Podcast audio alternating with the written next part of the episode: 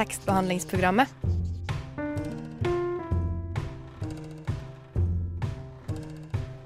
Tekstbehandling på radio.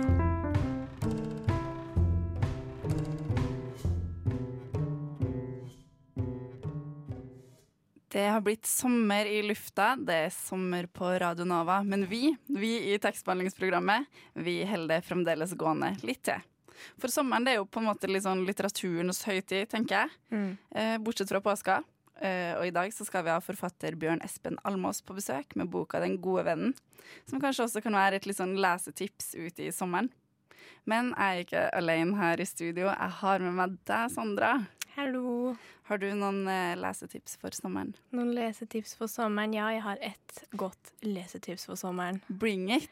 Det er eh, en bok som jeg ikke har lest selv, men som jeg har hørt mye bra om. Det er eh, Third Culture Kids. Eh, jeg vet ikke om 'Å vokse opp mellom kulturer' er en mellomtittel, men jeg tror det. Den er av en Aon Rasa Nakwi, jeg håper jeg uttalte det riktig. Og det er en litt sånn derre med ekte beretninger fra, fra f.eks. Leo Ajkic og Mona Berntsen og andre, andre folk som har vokst opp, eh, som er third culture kids, da. Skal du lese ditt eget lesetips sjøl sommer? Eh, det kan godt være at jeg gjør. Det kan hende at du Det kan være at jeg gjør. Kanskje en god idé å lese eh, de eh, tingene man anbefaler. Jeg vet ikke. Om det er noe Jo. krav. Jo, nei, jeg vet ikke om det er et krav, fordi noen ganger så strekker jo ikke tiden til, rett og slett. Men, eh, men jeg skal gjøre mitt beste. Så da har vi et lesetips til deg, kjære lytter. Vi skal som sagt få besøk av Bjørn Espen Almås, men aller først så skal vi høre Toy Savoy med 'Church'.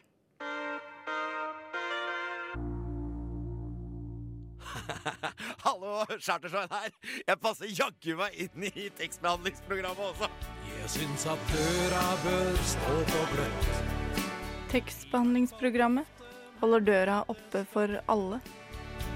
Lar du døra di være litt åpen, Du hørte Toys Avoy med 'Church' her på tekstbehandlingsprogrammet på Radio Nova. Og nå har vi fått besøk av Bjørn Espen Almås i studio.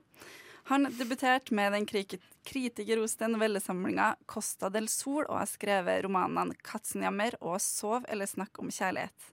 Og nå, ti år etterpå, så har du endelig kommet med en ny bok. Velkommen, Bjørn Espen. Takk. Takk skal du ha. Det tok ti år før du kom med neste roman. Hvorfor tok det så lang tid?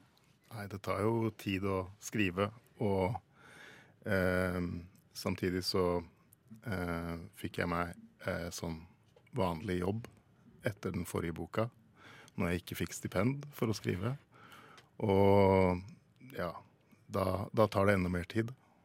Um, men altså, akkurat denne boka har jeg nok altså, jobba med i fem år, da. Hva, hva var denne vanlige jobben? Jeg ble litt nysgjerrig. Eller flere jobber for så vidt, men den, den faste stillingen jeg har, er eh, som lærer på skrivelinja på Danvik folkehøgskole. Men så har jeg også noen sånne faste frilansjobber på tekstlinja på Westerdals og på forfatterstudiet i Bø. Du har jo øh, Nå har du skrevet 'Den gode vennen', som, vi er, som du er her for i dag. Um, jeg lurte på om du kunne beskrive boka kort? Nei, det tror jeg ikke. Nei? Kan du beskrive Men, den? eh, men eh, hvis vi begynner med begynnelsen, så, så settes eh, handlingen i gang av at uh, hovedpersonen er uh, i en markiseforhandler og leter etter uh, silhuettgardiner. Um, og der eh, får han, eh, han og kona hjelp av en som han drar kjensel på fra da han var barn, eh, men ikke husker det virkelige navnet på. Ja, og det setter vel alt i gang, da, i hvert fall. Det setter alt i gang for den gode vennen. Og den skal vi snakke enda mer om i dag. Vi skal snakke ganske masse om den. Men aller først så ønsker vi at lytterne skal bli litt bedre kjent med deg. Så da, Sandra, har du en eh, Ja, jeg, eh, jeg tenkte vi skulle ha fem faste i en forrykende fart.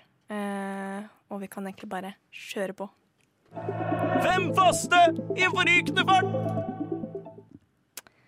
Bjørn Espen, eh, hvilken font skriver du i?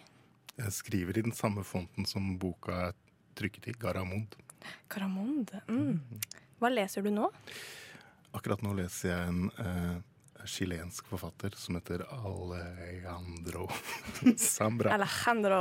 Alejandro Sambra. Det heter det han heter Nei, bare tulla. Mm. Uh, hvor, uh, hvor skriver du? Uh, jeg skriver for det meste hjemme i leiligheten. Flytter litt rundt mellom rommene Så hjemme. hjemme. Hva var din favorittbok som barn? Mm, jeg tror det må ha vært den 'Brødrene Løvehjerte'. Godt valg. Hvis du ikke var eh, kunstner, eh, hva hadde du vært da? Eller forfatter, da? Ja. Mm. Lærer. Du hadde vært lærer. Det er du jo i tillegg også. Ja. Ja. Så det er jo perfekt å få kombinere de to. eh, Jeg, jeg husker jeg hadde et sånt fortvila øyeblikk da jeg skrev den første boka mi. Ehm, for det var noe jeg ikke fikk til å skrive i det hele tatt. Jeg ble kjempelei meg. Jeg bodde på en sånn hybel på Lillehammer hvor jeg studerte. Helt fortvila. Jeg tenkte hvis jeg ikke klarer å skrive dette, kan jeg aldri bli forfatter. La meg ned på en sånn spraglete sofa i det rommet jeg leide hos denne gamle dama. Gråt en skvett. Og så tenkte jeg sånn Det er ikke for sent, jeg kan jo fortsatt bli lærer. Og når jeg hadde tenkt det, så tenkte jeg kunne gå tilbake til datamaskinen mer som en sånn hobby. da. Og bare prøve å skrive det, siden jeg likevel skulle slutte å skrive. Og da løsna det. Da løsna det. Ja. Fordi da slappa du av, eller? Sannsynligvis hadde jeg sikkert lagt masse press på meg selv. Som jeg slapp. Så det er kanskje clouet. Gi opp. Gi opp. Eller liksom lat som at du gir opp, for å fortsette. Mm. Ja, kanskje ikke gi opp, men ehm, ehm, s- s- Ja, slapp mer av. Slapp mer av. Men du har jo også fått valgt noen sanger for oss som vi skal spille her i dag. Eh, en av dem er 'Bisse' med seks hjerter. Ja. Hvorfor valgte du den sangen? Og det er så mange grunner til det. Um, den viktigste er jo at den er veldig fin. uh, men jeg begynte å høre, eller fikk høre denne sangen på den derre Discover Weekly-tingen på Spotify for litt over to år siden. Og syntes den var fantastisk, og begynte å finne, prøve å finne ut av hvem Bisse var. Jeg tror han nå har han gitt ut åtte plater på fire år. eller sånt. Han er ekstremt sånn produktiv og ikke særlig populær. Eh, eller han har vunnet en pris eller noe i Danmark. Og akkurat denne sangen er jo veldig populær. Men de andre har jo uh, urovekkende få avspillinger på Spotify. Um, så kjente jeg at jeg begynte å bli fan. Altså sånn som jeg ikke hadde vært siden 20-årene i hvert fall. Eh, og dro på konsert med han, og måten han ja, Har dere sett han? Ja. Ja. Måten han eh, løser det hele på, er jo veldig uskandinavisk og kompromissløs. Og det syns jeg var veldig vakkert. Han får for lite spilletid på Spotify, men han skal i hvert fall bli spilt i dag på Radio Nova. Her er 'Bisse' med seks hjerter.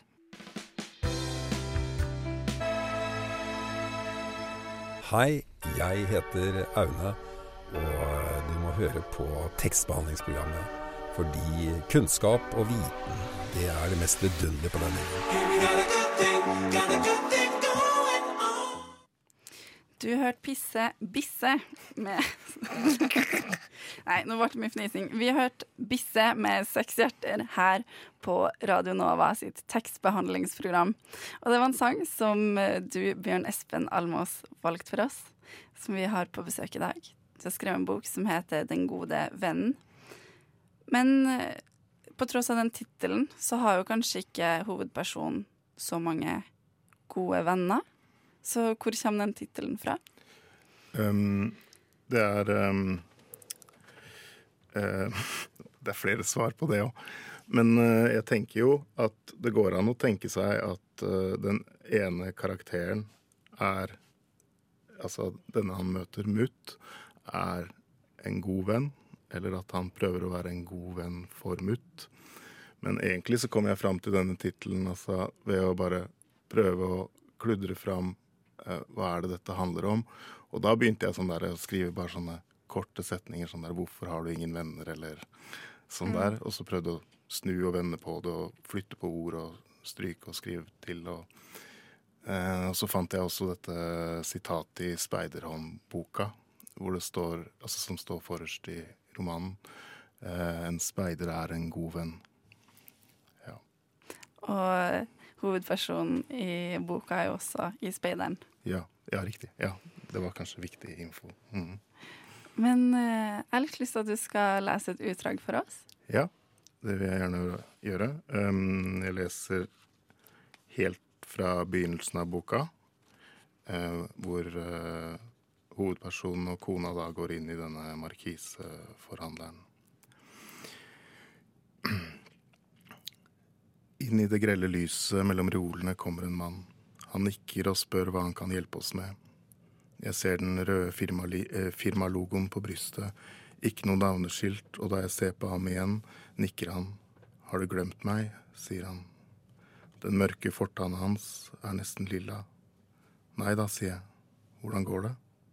Han sier det går greit og strekker arma ut som om jeg må forstå at han eier hele markiseforretningen. Hvordan står det til med deg? Jeg sier det går fair, og spør om han har hilst på kona mi, og da ler han, rister på hodet, som om jeg har fortalt noe skøyeraktig, en vits, og da han strekker armen ut mot henne og hilser, spør han meg om hvordan eller når han skulle ha gjort det. Veit du hvor lenge det er siden vi så hverandre sist, sier han, og venter ikke på svar.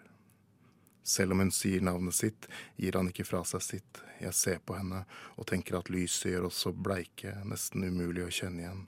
Han drar fingra gjennom skjegget og napper i det. La meg hjelpe dere, sier han. Og der er jo et, uh, Tusen takk. Og der er jo det øyeblikket der vår mann, hovedpersonen, igjen møter den her mutt. Eh, og mobbing er jo kanskje en sentral del av boka. Var det et tema du hadde bestemt deg for å skrive om på forhånd? Nei, altså mm, Når jeg mm, begynte å skrive for fem år siden, så eh, Litt naivt så satte jeg i gang, og så tenkte jeg skulle Jeg hadde sånn sånn vill livsglede. Jeg skulle skrive en, en roman som tok opp alt, og jeg skulle bare skrive og skrive, og jeg hadde allvitende forteller og mm, kanskje åtte forskjellige hovedpersoner, og, mm, og jeg skrev meg helt bort. Eh, Etter 350 sider så klarte jeg ikke å holde på trådene sjøl lenger. Eh, og da, eh, altså når jeg leste gjennom en utskrift da, så tenkte jeg dette, dette klarer jeg ikke å fullføre. Jeg hadde skrevet eh, no, noe, altså sånn kanskje ti sider fra de 350 tok jeg ut. Eh, og skifta synsvinkel til eh, første person, altså jeg, og, og, og jobba videre ut fra det. Eh, og tenkte at nå skal jeg, nå skal jeg skrive ut fra dette, og eh, ikke la meg rive med i skrivinga, men prøve å tenke meg godt om før, før hvert kapittel. Ja. Det er veldig spennende å høre den metoden å gå liksom, hente ut eh, ti sider av så mye. Det virker, ja, veldig Virker tidkrevende og slitsomt. Men eh, jeg tenkte Det utdraget du leste nå, altså man merker jo på en måte Altså, dette møtet med mutt da, for hovedpersonen, det er jo stressende. Man tenker på sånn Og vi ser bleke ut, og det er sånn Det er litt sånn klaustrofobisk, nesten. Um, på hvilken måte blir den, den voksne hovedpersonen uh, preget av de hendelsene uh, som skjedde i barndommen? Um, ja um, Jeg tenker på um, egentlig når jeg tok trikken opp hit i stad, så kom det en mann som hadde veldig vondt for å gå, en eldre mann, inn på trikken. Og jeg spurte om han ville ha setet mitt. Eh, og han sa sånn som Jeg føler at Jeg skal ikke generalisere, men en del menn sier da. Nei da, det går fint. At eh, utad så tror jeg den voksne personen prøver å dekke over og holde nede alle, alle tingene som begynner settes i gang i han. Eh, og at han prøver å gjennomføre alt som normalt. Ja. Um, men at, at det er bare det er bare så så lenge vi kan gjøre det før det eh, ikke går lenger. Nei, jeg er helt enig. Føl, følte det sånn da jeg leste. Ja, hovedpersonen går opp på en måte litt mer og mer i oppløsning etter hvert. Men det skal vi snakke litt mer om. Men aller først skal vi høre en annen låt som du har valgt for oss. Det er Crowded House med Don't Dream It's Over. Og hva vil du si om den sangen? Um, ja, det er en sang da som var veldig populær da jeg var barn. Uh, eh, uten at jeg var veldig god i engelsk på den tida. Uh, jeg tenkte en stund at, at, at, den ikke er så håpefull. Altså Den er både sørg, sørgelig og håpefull, da, den sangen. Men hvis det var et komma inn der, for eksempel, da Don't dream, komma, it's over. Ja. så, så er det fryktelig. Ja, ja. Eh, ikke, jeg skal ikke si at jeg tenkte på kommaer i den alderen, men eh, eh, at det var følelsen at jeg ikke klarte å avgjøre om, om det var håpefullt eller ikke. Eh, men at det er noe i melodien som er liksom sånn allikevel mm, ja, sørgelig, men vakkert. Hva tror du nå, da? Er den håpefull, Ja, eller? jeg føler den er litt håpefull. At ting er kjipt, liksom, men, men det fins håp. Ja, det fins håp. Vi hører på den Crowded House, Don't Dream It's Over.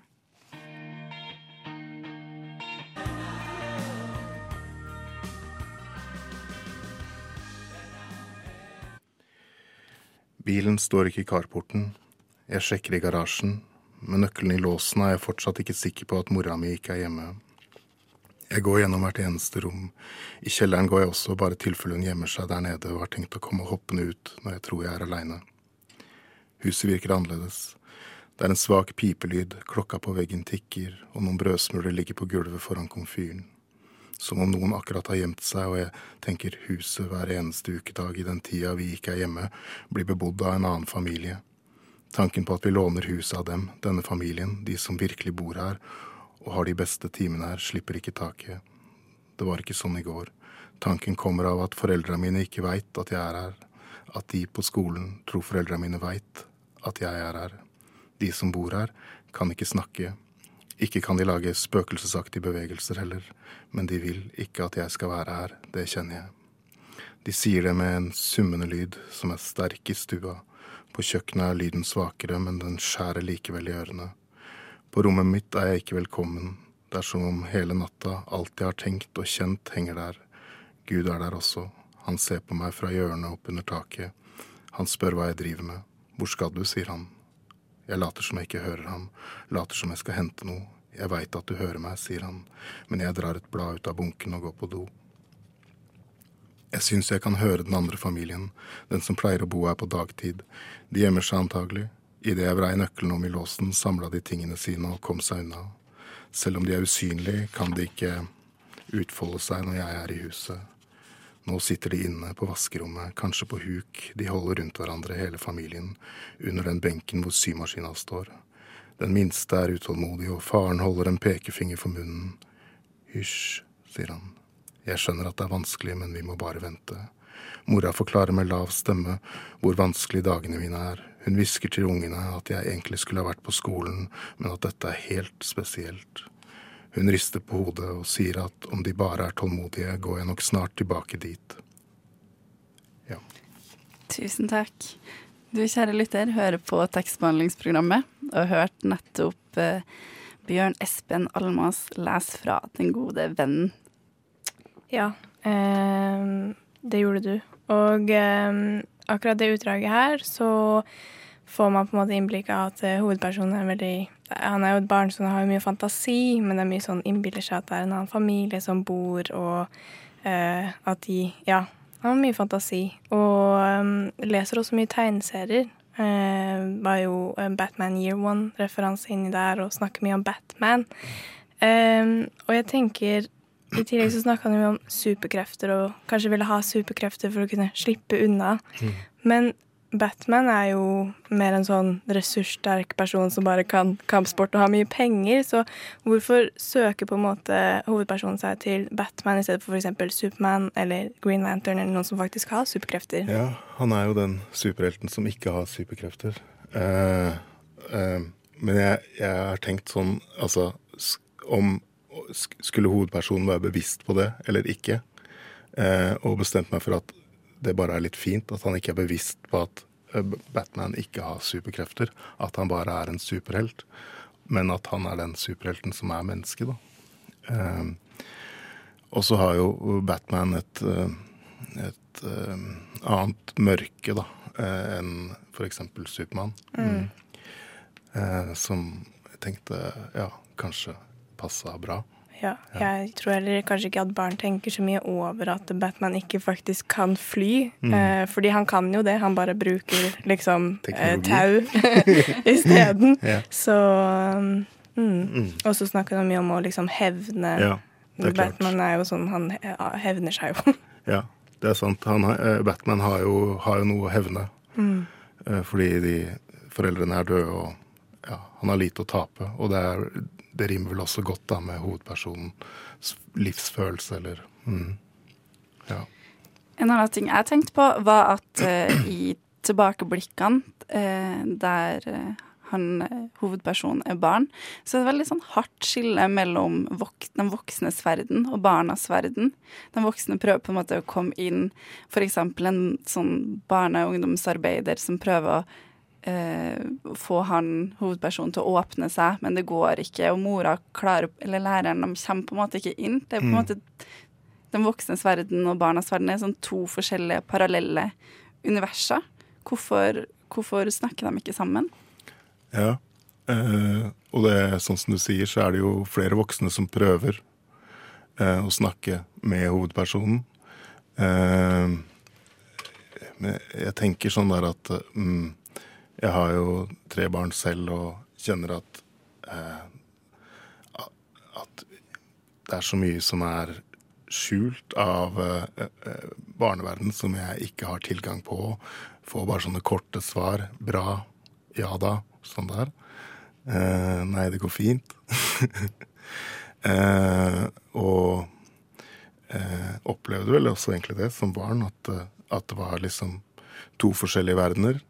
Det er jo også mye i de voksnes verden som barn ikke har tilgang på. At det er, at det er veldig få steder eh, hvor de to verdenene egentlig møtes. Um, men var det et svar? Det var et godt svar oh, ja. for meg. Så bra. Du har jo valgt eh, en siste låt i dag, Ja. og det er Karpe. ja. Det er jo den ungdommelige siden min. Det er her jeg prøver å bli ung og kul. Ja. Nei, jeg jobber jo på en folkehøyskole, så jeg er jo sammen med eh, ungdommer, unge voksne som er sånn 18 til 22 kanskje, hvert eneste år. Og prøver å følge litt med, da.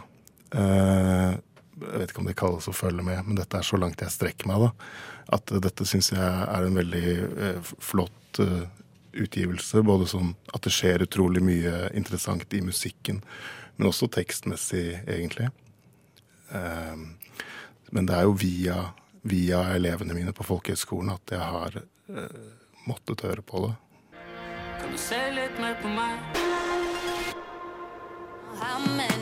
Jeg har eh, to lidenskaper her i livet. God litteratur og analsex.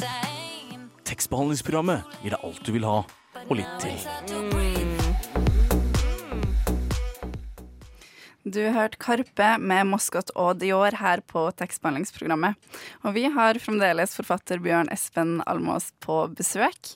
Og i boka 'Den gode vennen', som du er her med i dag, så veksler du mellom en slags nåtid og fortid, og tilbakeblikkene de går baklengs i rekkefølge.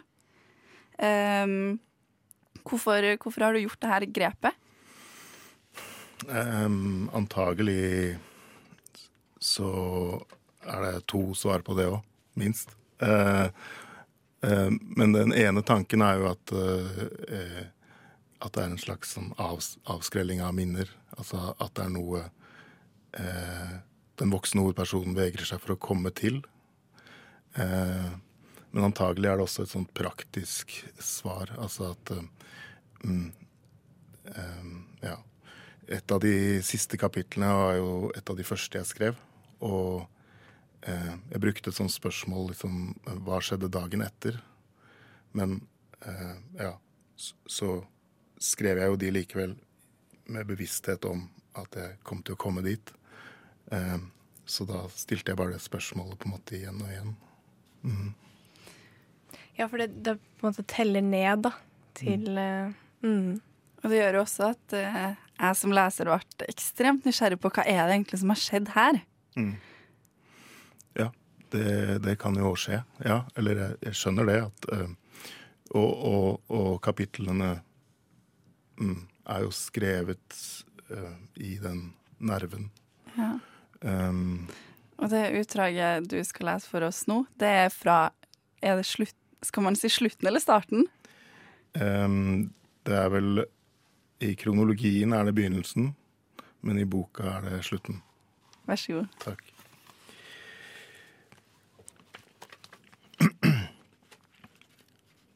Der bakken flater ut, ligger sykler velta i en haug. Jeg kjenner dem igjen. De går i fjerde klasse, og han som er pressa helt inntil stakittgjerdet, går i tredje. De slipper tak i ham og går unna når de ser meg. Idet jeg er forbi dem, hører jeg en av dem rope sleik skoa hans, sleik skoa hans, din lille gris. Jeg bremser opp og snur meg. Tredjeklassingen står pressa opp mot gjerdet. Jeg går av sykkelen og slipper den i bakken. Hva er det som skjer, roper jeg. De slipper tak i tredjeklassingen. Ingenting, sier den høyeste av dem. Han heter Alexander eller Thomas. Når jeg ser på han, virrer han med hodet før han ser ned i grusen og løfter en sykkel fra bakken. Jeg tror dere prøver å banke han, sier jeg. Nei, nei, sier Thomas eller Alexander. Vi bare, vi bare Om dere vil slå han, må dere slå meg først. Gutta bak ham ser i grusen, på syklene og skoa. Gi faen, sier Thomas eller Alexander. Slipp styret mitt, da. Jeg trenger å vite at du skjønner, sier jeg. Ja ja, slipp styret mitt. En bleik fyr mumler noe. Hva, sier jeg. Kan du ikke bare la oss dra? Stikk da, sier jeg. Bare stikk. De løfter syklene sine og setter seg opp og tråkker vekk. En av dem roper noe, sikkert noe frekt, men jeg klarer ikke å la, la være å smile. Tredjeklassingen står fortsatt inntil gjerdet, redd, for- eh, redd for meg, han også. Det er du som er mutt, ikke sant? Ja, mutt, sier han, eller dem kaller meg det. Hvem er dem, sier jeg. Han rister på hodet. Dem, det er alle, det, sier han. Åssen går det? Han holder øya åpne og nikker, så snur han seg unna og mumler. Mutt drar håndbakene over øya og løfter sykkelen etter styret. Han blir stående, og jeg vil spørre om hva han sa, om det virkelig går greit. Mutt skritter over ramma og setter seg på setet. Hva var det han sa? Jeg klør sånn i øya. Eller, jeg skal aldri glemme dette. Jeg ser føttene hans som tripper på pedalene nedover gangstien, og husker da gangstien bare var en sti gjennom et skogholt. Det var før jeg begynte på skolen, før asfalten, før barnehagen blei bygd. En morgen var stien oversvømma av regnvann, og mora mi og jeg måtte gå rundt og gjennom skolegården for å komme fram til barneparken.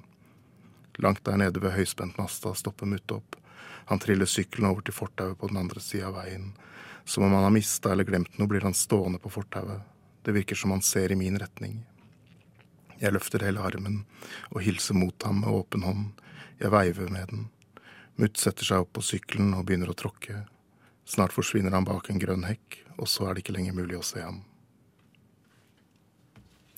Tusen takk. Um, der håper jeg, eh, kjære lyttere, at du hørte det jeg hørte. Fordi um, det er mye vold i uh, den boka her. Uh, men kombinasjonen av at det er mye vold, men at den er ganske sånn lavmælt når den snakker om, om vold, da. Du får jo ikke noe sånn Det er ikke noe eksplisitt eh, blod på bakken og mye Altså, det er ikke sånn Det er ikke det. Det eneste du merker av det voldsomme, er hvordan det preger menneskene i, i boka. Og jeg lurer på hvorfor i en tid hvor alt er på en måte veldig eksplisitt, at du har valgt å skrive vold på denne måten. Det, jeg vet ikke om jeg vet det selv. Altså eh, jeg, jeg har jo selvfølgelig valgt bort å skrive volden eh, tydelig fram. Eh, kanskje, det er, kanskje det er fordi at jeg har vært mest opptatt av em, at omgivelsene er truende. Eh, at, at det egentlig ikke er volden i seg selv, men den derre å hele tiden leve med muligheten for at vold kan oppstå. Eh, kanskje. Bare en teori. Jeg, jeg er jo ikke så fryktelig god leser av meg selv eh, som jeg mm, eh, skulle ønske, da. Eh, det er eh, mm, Jeg blir ganske blind sammenligna med når jeg jobber med studenter eller elever og sånn. Ja.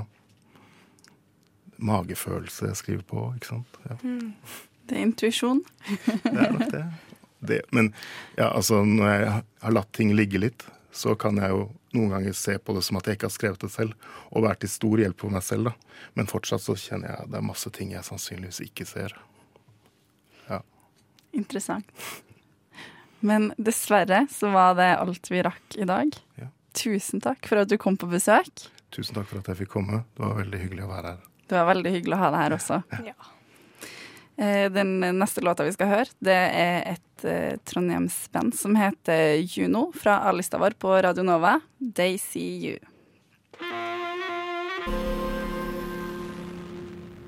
Du lytter til Radio Nova. Nå skal vi høre et lite gjenhør av da Sandra snakka om eh, hva som kommer til å skje om du glemmer å ta med bøker. Fordi Sandra tror ikke at det finnes mennesker som drar på ferie uten lesestoff. I hvert fall ikke med vilje. Og derfor så har hun utforska hva som faktisk skjer om du glemmer en bok på ferietur. Til skrekk og advarsel for dere lyttere.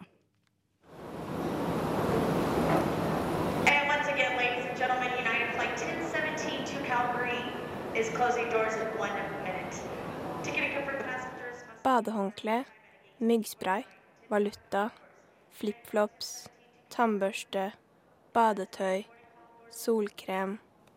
Syrlig solkrem på varm hud i en solstol med en sol i den ene hånden og en eh, bok. Hvilken bok? Du har jo glemt bok. Du står i en kø. Det er en lang kø. Foran deg venter en metalldetektor. Bak deg kioskromaner. Gjør du det? Du titter på klokken. Nei, du gjør ikke det.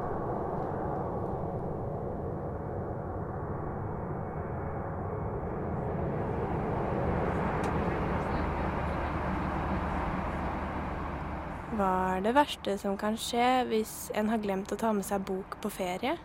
Mannen i setet foran deg leser ikke bok, og han ser jo helt fin ut. Du drikker miniatyrcola rett fra boksen og tenker på varm sand og kokosolje og drinker med kokosmelk i. Du tenker så hardt at colaen begynner å smake kokosmelk, og du kjenner varm saltvannsluft treffe deg i ansiktet. Den varme luften er ånden til mannen foran deg. Han skriker. Det kommer to kabinansatte og legger han i bakken. Mannen spreller og roper ned i det blå vegg-til-vegg-teppet, før han blir ført bakover i flyet. Etter en stund kommer en flyvertinne bort til deg. Han fikk angstanfall, mannen foran deg. Vi beklager. Vil du ha noe å drikke? Litt snacks? Selger dere bøker her? spør du.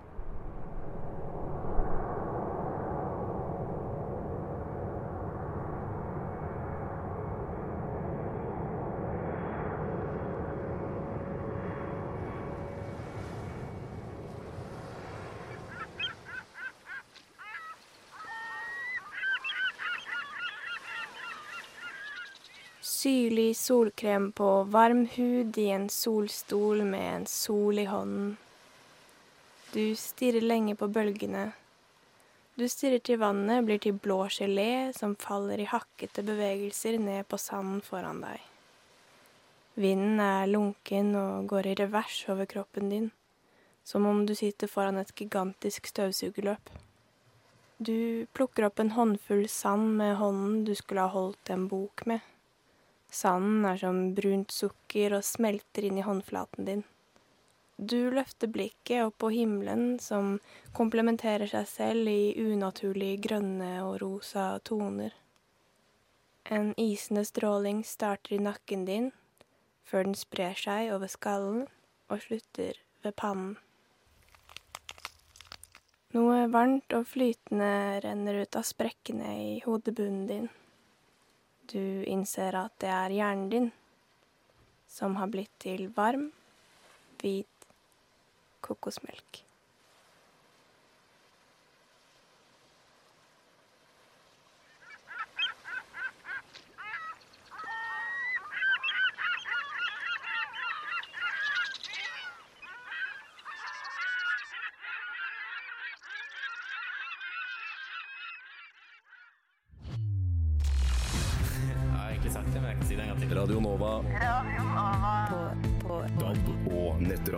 radionova.no. Jeg har egentlig sagt det, men jeg kan si det en gang til. Radio Nova. Det var alt det vi hadde i tekstbehandlingsprogrammet i dag. Det var det, dessverre. Men um, Det var jo veldig hyggelig med besøk fra Bjørn Espen Almås. Almås, ja. Veldig bra fyr. Bra bok. Veldig hyggelig fyr. Mhm. Eh, men vi i tekstbehandlingsprogrammet vi tar ennå ikke ferie, vi. vi for vi skal ha sending neste, neste uke òg. Mm. Klokka ti på onsdag som vanlig. Eh, ja, og hvis du aldri, aldri får nok av oss, så kan du gå inn og høre på din lokale podkastapp, for der ligger det en masse godbiter med fine forfattere og fine bøker. Det gjør det absolutt. Og hvis, dere, hvis du ikke får noe av å se på oss, så er vi også på Instagram og Facebook. Da er det bare, bare å se på oss. Da, det liker vi. Mm. Det liker vi. Enda bedre liker vi at du hører på oss. Absolutt. I studio i dag så var meg Ingrid Widsten. Sandra Ruud. Og tekniker var Helje Svensson. Yeah! Tekstbehandlingsprogrammet.